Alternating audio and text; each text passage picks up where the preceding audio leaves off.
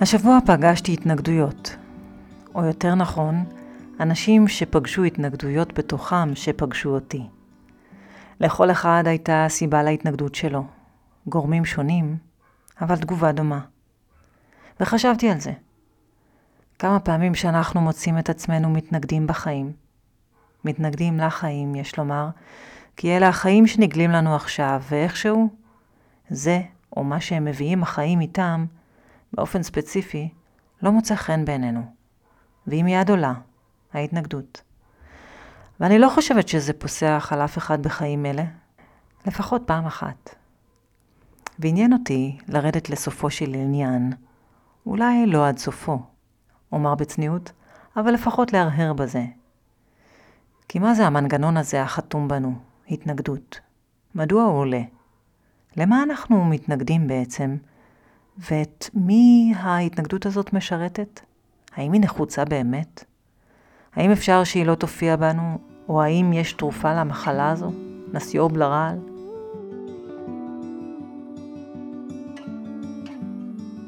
ברוכים הבאים לפודקאסט הירח לא נרטב. שמי שרון חסיד אדמוני, מורה ומתרגלת בדרך הזן, ואני באה לשתף אתכם בזן בחיי היום-יום. והימים ימים של מלחמה. עדיין, ימים של מלחמה. ואם מצאתם ערך בפרק הזה, תחלקו אותו עם אחרים, כדי שעוד אנשים יוכלו להרוויח מהתוכן הזה. וכמובן, כמובן, שאתם מוזמנים ליצור איתנו קשר בפייסבוק, באינסטגרם, בוואטסאפ או במייל.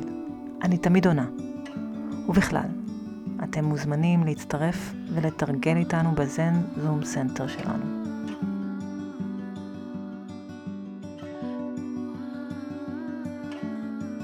שלושה רעלים יש לתודעה, אומר הלימוד. שלושה רעלים שמערפלים אותה. והערפל הזה לפעמים סמיך, סמיך ולפעמים פחות. וכשאנחנו מזדהמים בהם, ברעלים הללו, אנחנו מזהמים את העולם.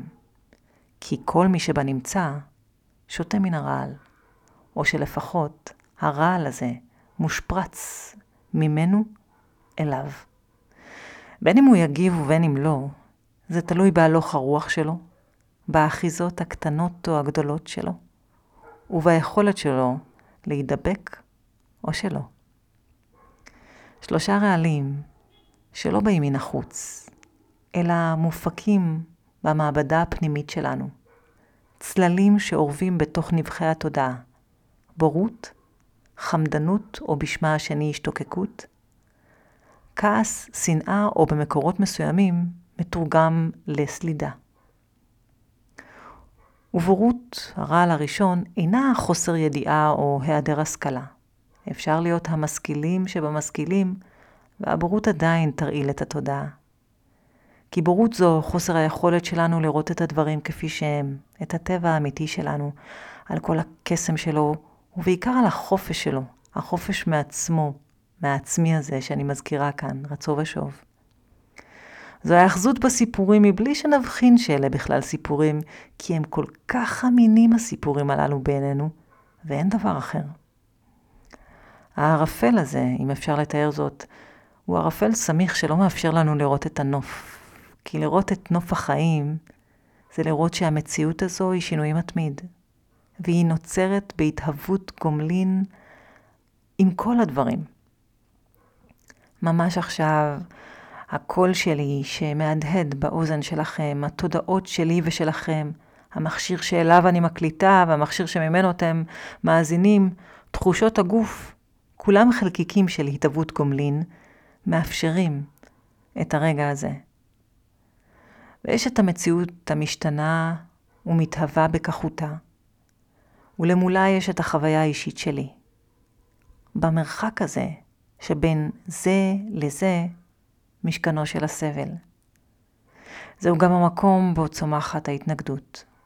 לעתים מתוך תרגום לא מהימן של המציאות, לפעמים מתוך חוסר הסכמה שלנו למה שעכשיו.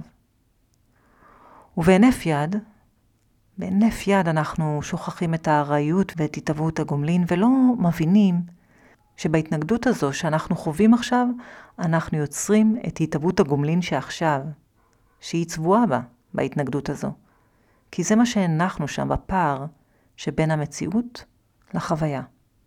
זו הבורות והקשר שלה, לפחות חלקיק קשר, עם מה שנקרא התנגדות. כי יש היבטים שונים שאפשר להתייחס לזה. ואתם יודעים, ברעל הבורות אני מדברת הרבה, כי הוא מהותי, באמת מהותי. גם בלימוד הזה, אבל בעיקר בחיים שלנו. כמה הטיות, כמה פניות לא נכונות, כמה. ובכלל, הוא כל כך מהותי.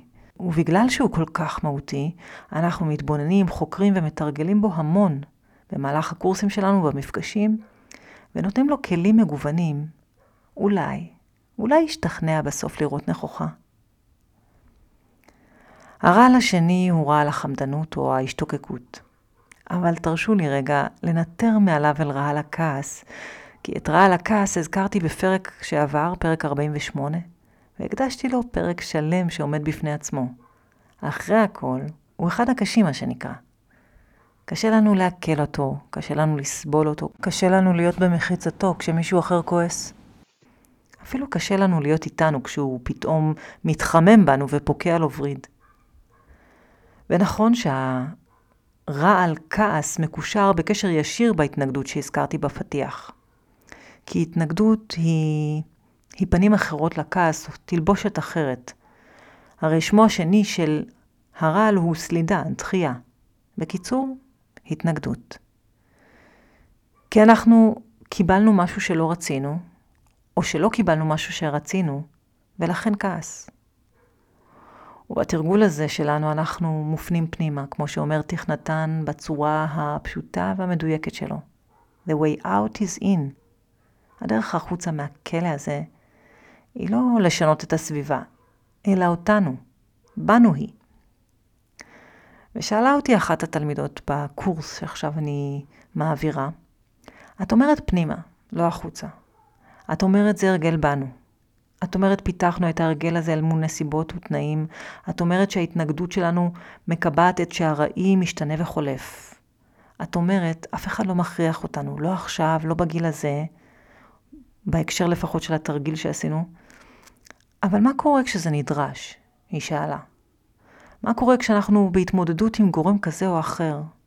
מה קורה כשאנחנו מצויים במקום עבודה או מרחב שכזה והתנאים לא נעימים לנו, והבוס גוער או הדרישות לא תואמות, הלחץ גבוה מדי, העומס רב מדי. מקומות כאלה, שמכריחים אותנו לעשות. כאלה שאנחנו מחויבים בהם. נשואים בטבעת של הסכם עבודה ויש לנו משקל כבד וגדול של משפחה וילדים ופרנסה ואוכל לשים על השולחן. מה אז? איך עובדים עם התנגדות? האם גם אז היא רק בתוכנו? הרי יש תנאים ונסיבות שמעוררים אותה. ונכון, יש תנאים ונסיבות לכל דבר, אבל התנאים והנסיבות הללו פוגשים אותנו, שהרי אנחנו תנאי ונסיבה לא קטן שמהדהד איתם. ועדיין התנועה היא פנימה. לראות איזה כאב התעורר בנו, איזה זיכרון עלה, עדיין ההבנה שהמפתח לחופש מחוויית המחנק או המועקה שעולה בשל ההתנגדות המצויה בנו, גם כשהתנאים קשים, היא פנימה. ברפואה הסינית היינו אומרים, התנגדות מכלה בכם את התמצית, את כוח החיים. בחרת להיות במקום כלשהו, לעשות משימה כלשהי, הנח להתנגדות ועשה מכל הלב. כי ההתנגדות מכלה בך את הכוחות, מכבידה, מסבילה. ואם יש לנו התנגדות, אומר התרגול, אנחנו יכולים להבריא ממנה, לפרום אותה בתוכנו. ומיד מישהי אחרת הגיבה והקשתה. ואני אוהבת את זה, אגב, את הקושיות הללו שמסייעות לי לדייק אותי, לדייק את הלימוד עבורן. ומה אם הבוס מתעמר בנו, היא שאלה. מה אז? עדיין אנחנו יוצרות הסבל וההתנגדות? אם הבוס מתעמר בכם, אומר הלימוד, תפעלו אל מול התנאי. תיגשו, תדברו, תשימו גבול. אם צריך, תתפטרו, תעשו משהו. כי זו חמלה אגב, זו ידה מושטת של צלילות שרואה, רואה ופועלת. אבל גם אל מול התחושות שעולות בנו, שעה שהבוס מתעמר עלינו לפעול. כי אם רק נמשיך לספוג בלא פעולה, בלא התבוננות, זהו אינו אלא רגע של סבל שהופך לתבנית, כי יצרנו בנו חותם. סמיוג'נה קוראים לזה קשר, קשר שלא הותר.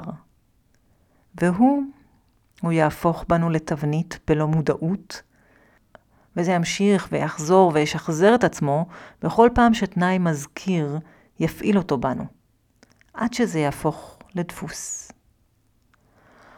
ובכל פעם תעלה בנו התנגדות, כי ההתנגדות עכשיו היא לא רק לתנאי, כי אם לתחושה שמתלווה ועולה בנו בשל אותו חותם שהחתמנו את עצמנו בו, כי לא פרמנו את הקשר בשעה שהוא נקשר. ויש בנו מנגנון שיוצר את ההתנגדות.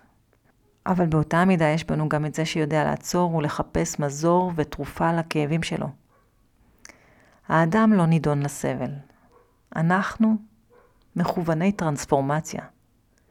זוהי ממלכת בני האדם שאליה אנחנו משתייכים. ממלכת השינוי, הטרנספורמציה, הריפוי והצמיחה. יש בנו כוח חזק כזה, שכולנו מכירים, שכשקשה ומחניק, אנחנו יכולים להיחנק בזה, אבל אנחנו גם יכולים לחפש מוצא.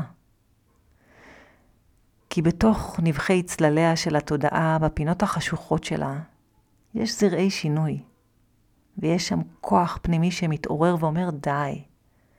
והוא הולך ומחפש אחר השור, כמו שאנחנו קוראים לזה בזן.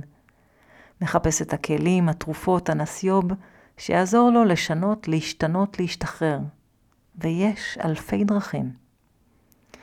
אז יש שלושה רעלים, אבל גם יש נסיוב. לבורות זו הצלילות, לכעס זה החמלה. ומה עם התשוקה והחמדנות? ומה הקשר שלה להתנגדות? ואיזה נסיוב יש לה? כי רעל החמדנות זו התשוקה שלא יודעת שובע. זה הרעב הבלתי פוסק. זה הלא מספיק, או אני לא מספיק ותשלימו את החסר. זוהי תחושת החסך, זו ההשוואתיות, ולמה לי אין, וכל היוצאים באלה. אלה הן פניה של חמדנות. והיא יכולה לשאול את זה בצורות מגוונות. מה יקרה אם זה לא יצליח? אחד הביטויים שלה. או שהיא יכולה להכריז בקול, אני רוצה עוד מזה. ולא משנה. לא משנה אם תקבל התודעה הזו את הדבר שממנו היא רוצה עוד, ולא משנה כמה היא תקבל. התודעה המורעלת ברעל החמדנות לא תתרצה. אולי, אולי רגע קט ישקוט בה משהו. שאיפה אחת ושקט. אבל בנשיפה, בנשיפה מיד תעלה התשוקה מחדש. אני רוצה עוד, היא תיעלל בפנים. Give me more. וכאן יש טוויסט בעלילה, כי שעה שהיא לכאורה לא מקבלת את מבוקשה, ושוב, לכאורה, כי זה לא משנה אם היא תקבל, כי לעולם, אבל לעולם לא ניתן למלא משאלה של נשמה רעבה. אז עולה בה פתאום הכעס, עולה ההתנגדות, כמו מנגנון הגנה אל מול תחושת החסר. אם אין לי מזה, היא משכנעת את עצמה, אז אני אמנע מזה. וכך היא מהלכת בעולם ונמנעת.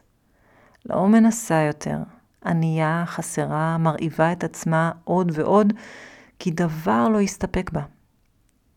וכך היא הולכת ועולה בסולם הסבל, ואיתה עולה ההתנגדות, השליליות, ואליה, אליה חוברים הכעס והבורות. שלושה מוסקוטרים, הם אוהבים ללכת יחד. שלושה רעלים שמערפלים את התודעה, ואם היו דלילים עד עכשיו, אז הם אט אט הופכים לערפל סמיך ועבה, ואי אפשר לראות, ואין שמיים, רק עננים של חוסר ודאות, כמו ששרה דנה ברגר. אבל לשלושה הרעלים שלוש תרופות אמרנו. ומה לדעתכם תהיה התרופה לחמדנות? רגע של הרהור. עולה בכם איזשהו רעיון? לחמדנות הביא הבודה את נסיו בנדיבות. מדהים, אה? לתודעה הזו שלא יודעת שובע, שחשה שהיא לא טובה מספיק ואין לה מה לתת, שהיא חסרה ואין מספיק, לא משנה כמה, אין מספיק. אומר הבודה, תפתחי. תפתחי את הלב והיד ותתני. היי נדיבה איתך במילים טובות, במחשבות. היי נדיבה ברכות וחמימות ברווחה. תני לעצמך אותם. הדדי אותם פנימה. את יודעת איך. תחליפי את הזעם והכעס והרעב בנשימות רכות. אולי אפילו בחיוך. תתאמני בזה. תתרחבי מהעולם הצר שלך כעולם נמלה אל השמיים הרחבים שאת. ואל תשכחי להיות נדיבה גם עם העולם. או שבעצם, בעצם אם תהיי נדיבה איתך, זה אומר שכבר תדעי להיות נדיבה עם העולם. כמה קסם יש בזה, ואיזה יופי. ואפרופו נסיו בנדיבות, נזכרתי בשיר של שניקה שקד, שמזכירה לנו, תעשי לך הרגל. כל בוקר כשאת קמה, תבדקי שהשמש זורחת אצלך. שאת קמה לא רק עם הרגליים, אלא שגם הלב יתעורר. וזו בעיניי נדיבות, או להיות נדיבים עם עצמנו. להזריח, להזריח את השמש בנו. להביט בנו בעיניים טובות ומיטיבות, לפתוח את הלב, להתרחב, לרכך את גידי התודעה הנוקשים, לחייך, אפילו מעט. ללגום אט-אט עד שכל החיים יתמלאו בנו, כמו שממשיכה שניקה שקד בשיר שלה. אל תשאירי חלקים ממך מתחת לשמיכה. צאי כולך אל יומך, כדי שהחיים, כדי שהחיים יפגשו אותך, ולא תהיי חסרה עוד לעצמך. ומי וכולכם לא תהיו חסרים לעצמכם. אז תשמרו את התודעה שלכם צלולה, ותבואו בכם בחמלה, ותביאו בכם נדיבות, ותרבו. תרבו טוב בעולם. לא משנה כמה אני חוזרת על זה, עדיין צריך עוד מזה.